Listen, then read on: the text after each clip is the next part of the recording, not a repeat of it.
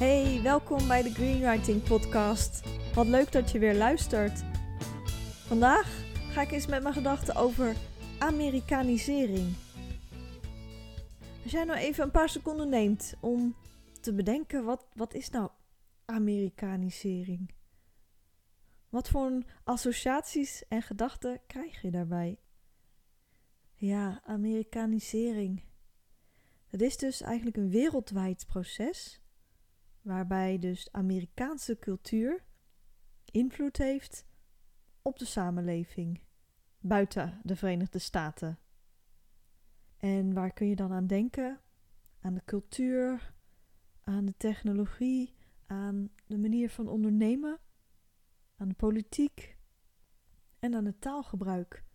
Maar ook aan, allerlei waarden, hè? En ja, je ziet natuurlijk op heel veel plekken Amerikaanse merken. Maar dat is niet het enige van Amerikanisering. En ik wil laten zien hoe Amerikanisering, ja, in het kort, hoe dat doorwerkt op onze taal, maar ook op ja, hoe mensen kunnen ondernemen. Ook als taalprofessional of op een andere manier, schrijvende ondernemer. En hoe dat kan doorwerken en echt een andere toonzetting is. Amerikanisering is dus veel meer dan alleen de taal. En hangt ook samen met hoe de Verenigde Staten als een soort wereldmacht zich zijn gaan positioneren, zijn gaan vestigen. En nou wil ik hier geen grote politieke verhandeling van maken of een enorme systeemkritiek gaan neerzetten. Dat zou kunnen gebeuren als ik hier nog veel verder in ga duiken. Dat is nou niet mijn intentie. Nou ja, wat zie je in de media allereerst? Hè? Je ziet vooral dat er wat Engelstalige muziek, dat dat best wel dominerend is. Nou ja, dat is niet, uh, dat is niet per se gek of vervelend. Uh, maar je ziet ook wel heel veel hè, grote techbedrijven. Ja, een beetje die disruptive innovation bedrijven. Die zie je dan vanuit de Verenigde Staten overwaaien. En al die trends en hypes, zoals met AI teksten schrijven. Daar ga ik nog een keer op een ander moment wel op in ja, wordt hoofdzakelijk daar in gang gezet. Je ziet ook tv-advertenties die best heel op Amerikaanse school gestoeld zijn. Er zijn natuurlijk ontzettend veel Hollywood-films en die domineren eigenlijk het mainstream filmaanbod. En dan heb je ook het sociale van de Amerikanen. Onder andere de, hè, de waarden die in de maatschappij heersen. Dus ja, de verzorgingsstaat, die staat daar nou niet heel hoog in het vaandel. Het is heel erg van, oké, ben je... Ja, je kunt daar echt uh, zijn. Hè? Het is, is de Amerikaanse droom. Ja, die is gewoon niet voor iedereen weggelegd. Het is natuurlijk als ondernemer een keuze om anderen heel erg in die droom te laten geloven. Hè? Te verweven in je aanbod. Het kan een keuze zijn. Consumptiemaatschappij.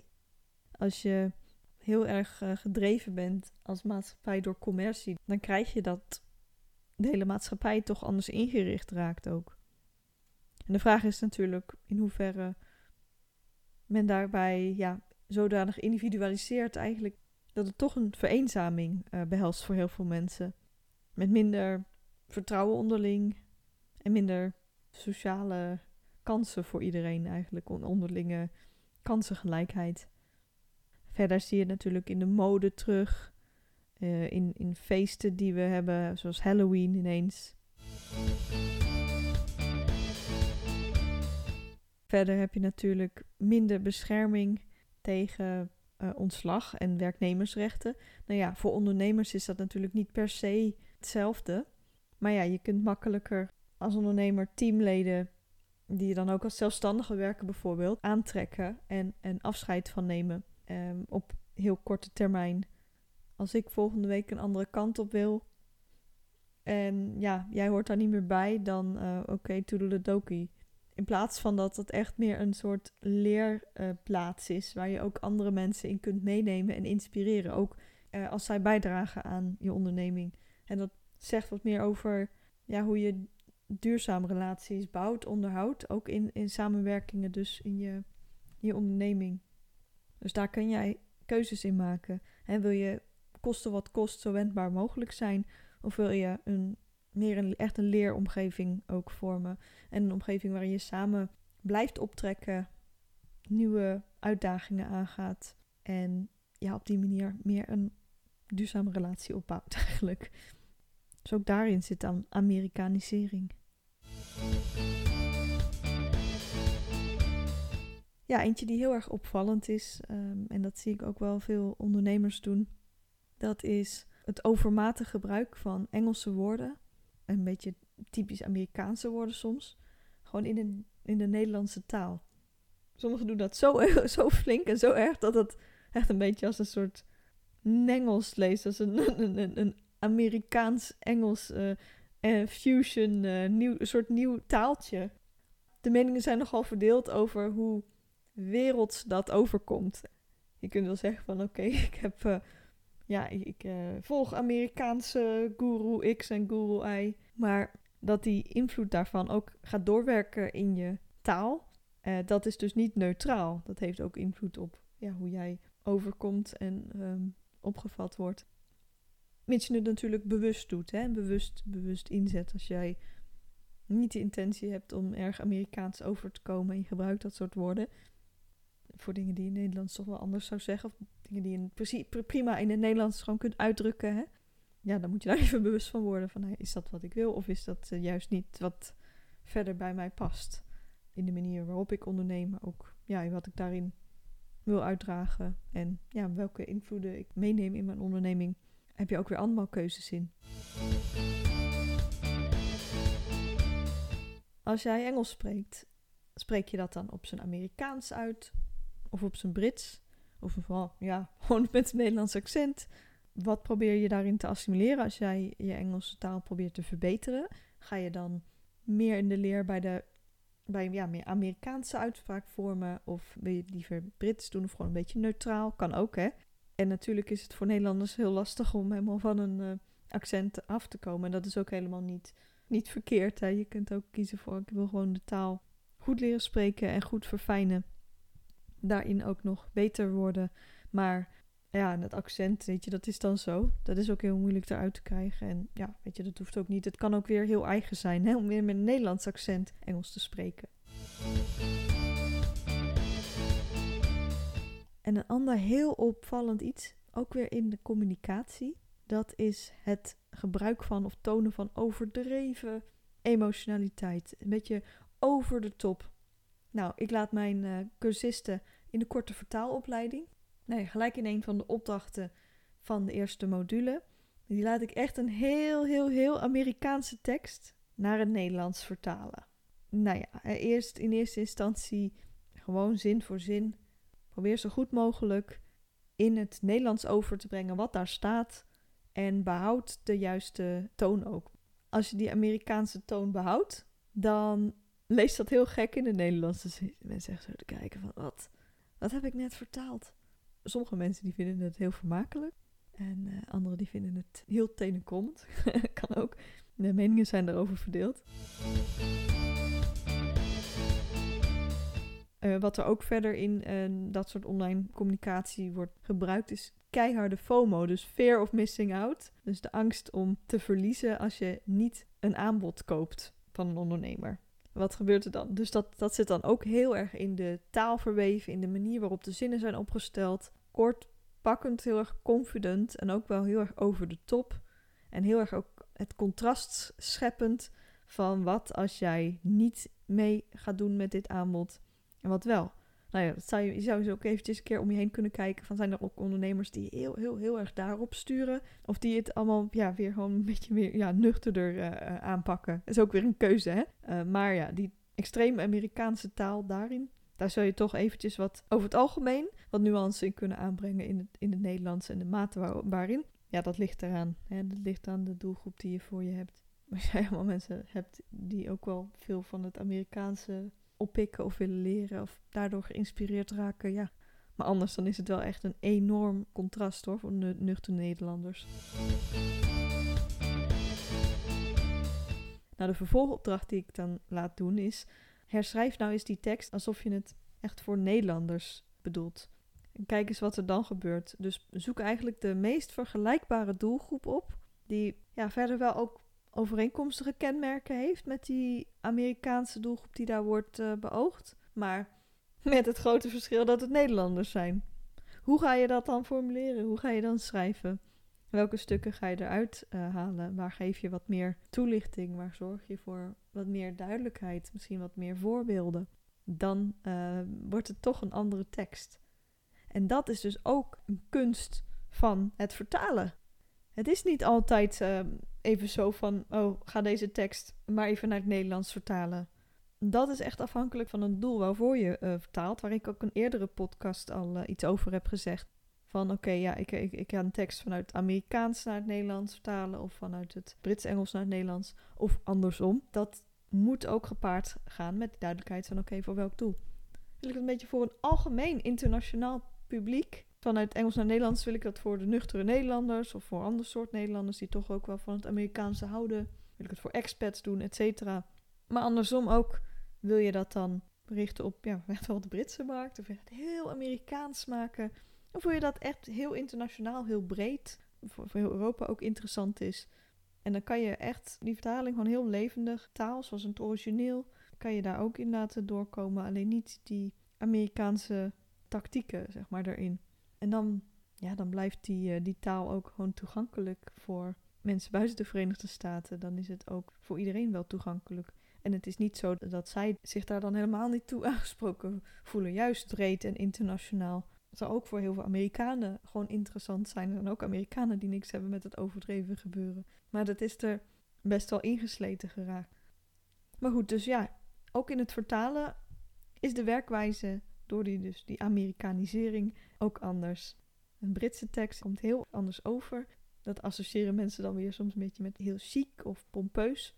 Nou, dat valt ook gewoon heel erg mee hoor. Dat uh, kan je ook gewoon in de neutrale of nuchtere taal overbrengen. Je kunt er ook juist dan weer wat meer overdrijving aan toevoegen. Je kunt het eventueel vereenvoudigen als het moet. Of je kunt gewoon dicht bij de tekst blijven. En dan, uh, nou ja, dan is het ook gewoon een prima vertaling. Dus daar heb je allemaal keuzes in, uh, in te maken. Ja, en wat ik nog wou noemen ook. Je ziet ook heel veel functienamen en zo. Die zie je ook vanuit het Amerikaanse overgewaaid zijn. En dan vraag ik me ook af van, hmm, is dat nou precies nodig? Mag wel, en dan klinkt het op de een of andere manier soms hoogdravender. Maar totdat je dat door hebt en dan prik je er ook doorheen.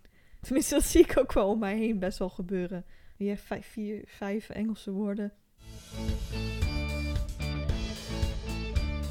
Dan ook de manier waarop je omgaat met anderen in je markt. In de Verenigde Staten is de mentaliteit over het algemeen wat meer competitief dan coöperatief. Terwijl je ook op andere manieren helemaal kunt uitblinken. Kwaliteit komt ook wel bovendrijven. Maar gaat het daarbij dus om dat je denkt in termen van concurrentie en dat je alles op alles zet om zoveel mogelijk winst te halen? Of dat je ook meer waarde hecht aan samen en duurzame relaties en op een andere manier, dus echt weer op een andere manier aan je onderneming werkt. En ook wel wat meer, nou ja, ook verder vooruit kunt kijken en dat op een andere manier doet. Nou, er zijn ook mensen die de marketing vanuit Amerika heel agressief vinden. En heel, ja, heel hyped, heel, heel heftig en overdreven. En toch worden er ook in, nou ja, zeker ook in het online ondernemen, worden er ook wel tactieken overgenomen vanuit Amerikaanse ja, werkwijze, moet ik zeggen. Een voorbeeld daarvan is de Amerikaanse sales funnel. Dat is als je bijvoorbeeld, uh, je, hebt een advertentie gemaakt, dan, dan promoot je een weggever. En dat is prima, hè, want dan krijg je mensen op je e-maillijst en dan kan je ze vervolgens gaan, eh, gaan inspireren, gaan informeren over wat je allemaal te bieden hebt. Dan kan je ook aankopen van online producten uit laten voortkomen. Dus dat is um, een manier om te werken. Daar kan je op heel veel verschillende manieren mee omgaan. En ja, weet je, dat kan ook op verschillende manieren integer gebeuren. En dat moet ook echt iets zijn wat aansluit bij jou als persoon. Hoe jij dat het liefste inzet als je daarmee werkt. Als, met e-mailmarketing, als ondernemer. Maar dan zie je vaak dat als je je e-mailadres hebt verzonden, dat je dan wordt doorgestuurd naar een andere pagina. En dat is eigenlijk een soort upsell pagina waar een vaak niet zo duur product eh, wordt aangeboden aan jou om te kopen. Van oké, nu heb je dat. Voor mij wil je dit, dan gelijk ook dit kopen.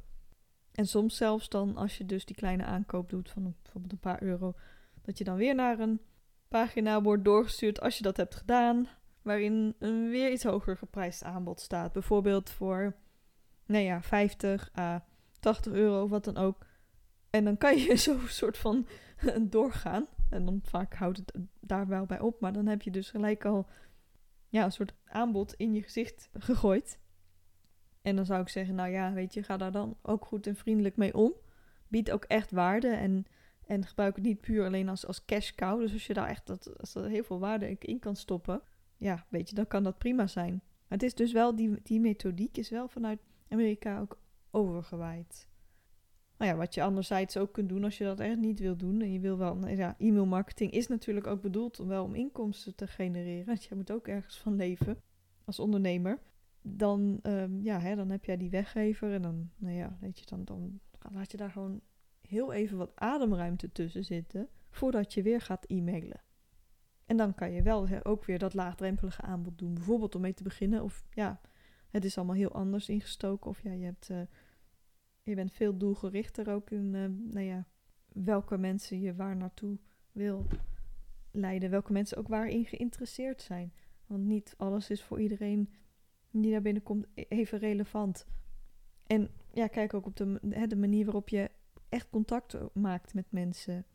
Kijk, ik laat ze bijvoorbeeld voor de korte vertaalopleiding, laat ik mensen de vertaaltest doen. En dan geef ik ook gewoon feedback, persoonlijk. En echte tips die passen bij degene die die test heeft gedaan. Dus welke dingen doet specifiek die persoon uh, fout en wat gaat er al wel goed.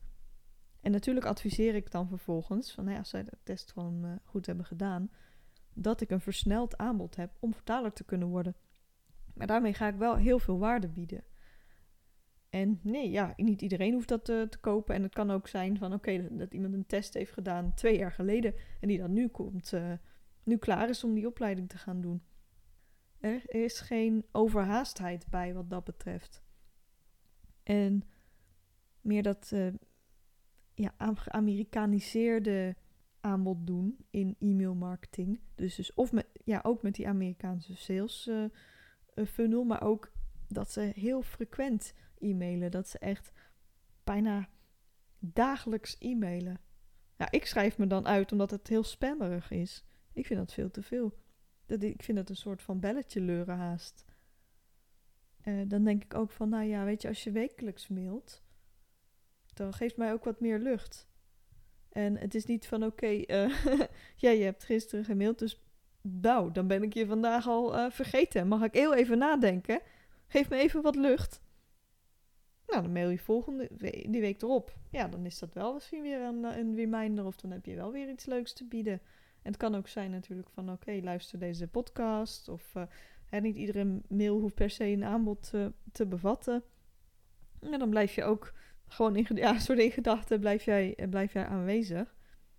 En dan kunnen mensen ook juist meer ruimte, krijgen ze meer ruimte om zelf contact met je te zoeken.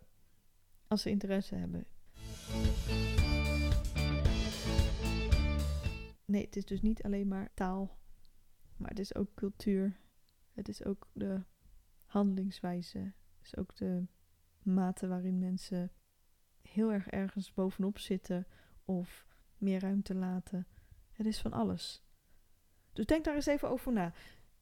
Als jij een ondernemer bent of een schrijvende ondernemer, of ook een taalprofessional die juist meer van zijn ondernemerschap wil maken, kijk eens naar hoe je het nu insteekt of hoe je dat wil gaan insteken. En welke onderdelen van wat je nu doet zijn eigenlijk best heel Amerikaans en welke juist niet. En heb jij interesse in vertalen? Bijvoorbeeld omdat je dat ook als dienst wil aanbieden? Of omdat je het heel fijn vindt om internationaal aanbod en internationale kennis beter en kloppender naar het Nederlands te kunnen brengen? De korte vertaalopleiding Engels-Nederlands, die gaat van start uh, begin juni. Nou, je kunt nog meedoen. We gaan vertalen, opbouwen echt naar hoog niveau. Zodat je teksten echt op C2-niveau kunt, uh, kunt vertalen.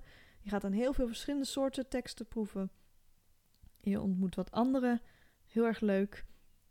En ja, als jij daar interesse in hebt, doe dan de uh, vertaaltest. Ik heb een vertaaltest Engels-Nederlands. En zoals ik al vertelde, geef ik jou daar persoonlijk feedback op. En op die manier kun je ook zien, hey, past die opleiding bij mij? Ben ik daar klaar voor? En ja, weet je, dan gaan we het hartstikke leuk hebben. Um, de opleiding duurt een half jaar. Het is een heel fijne ja, leeromgeving om samen op te trekken. En te proeven van verschillende soorten teksten. En te zien waar moet ik op letten. En hoe is dat nou hè, met dat Amerikaanse versus dat uh, meer neutrale of dat Britse? Hoe is dat nou anders? En wat moet ik daar dan mee? Dus ja, wees um, welkom om die korte test te doen. Nou, er is nog, uh, nog plek op dit moment. Heb jij vertalingen nodig? En ben je op zoek naar een taalprofessional die werkt met een team uh, waarmee wij teksten kunnen vertalen vanuit het Amerikaans, maar ook vanuit het Brits en ook vanuit andere soorten Engels en andersom. En een team dat ook meertalige vertalingen kan aanbieden. Aarzel niet en neem contact op met Greenwriting. Je vindt alle informatie in de show notes bij deze aflevering. Heel erg bedankt voor het luisteren. Ik hoop dat het leerzaam voor je was.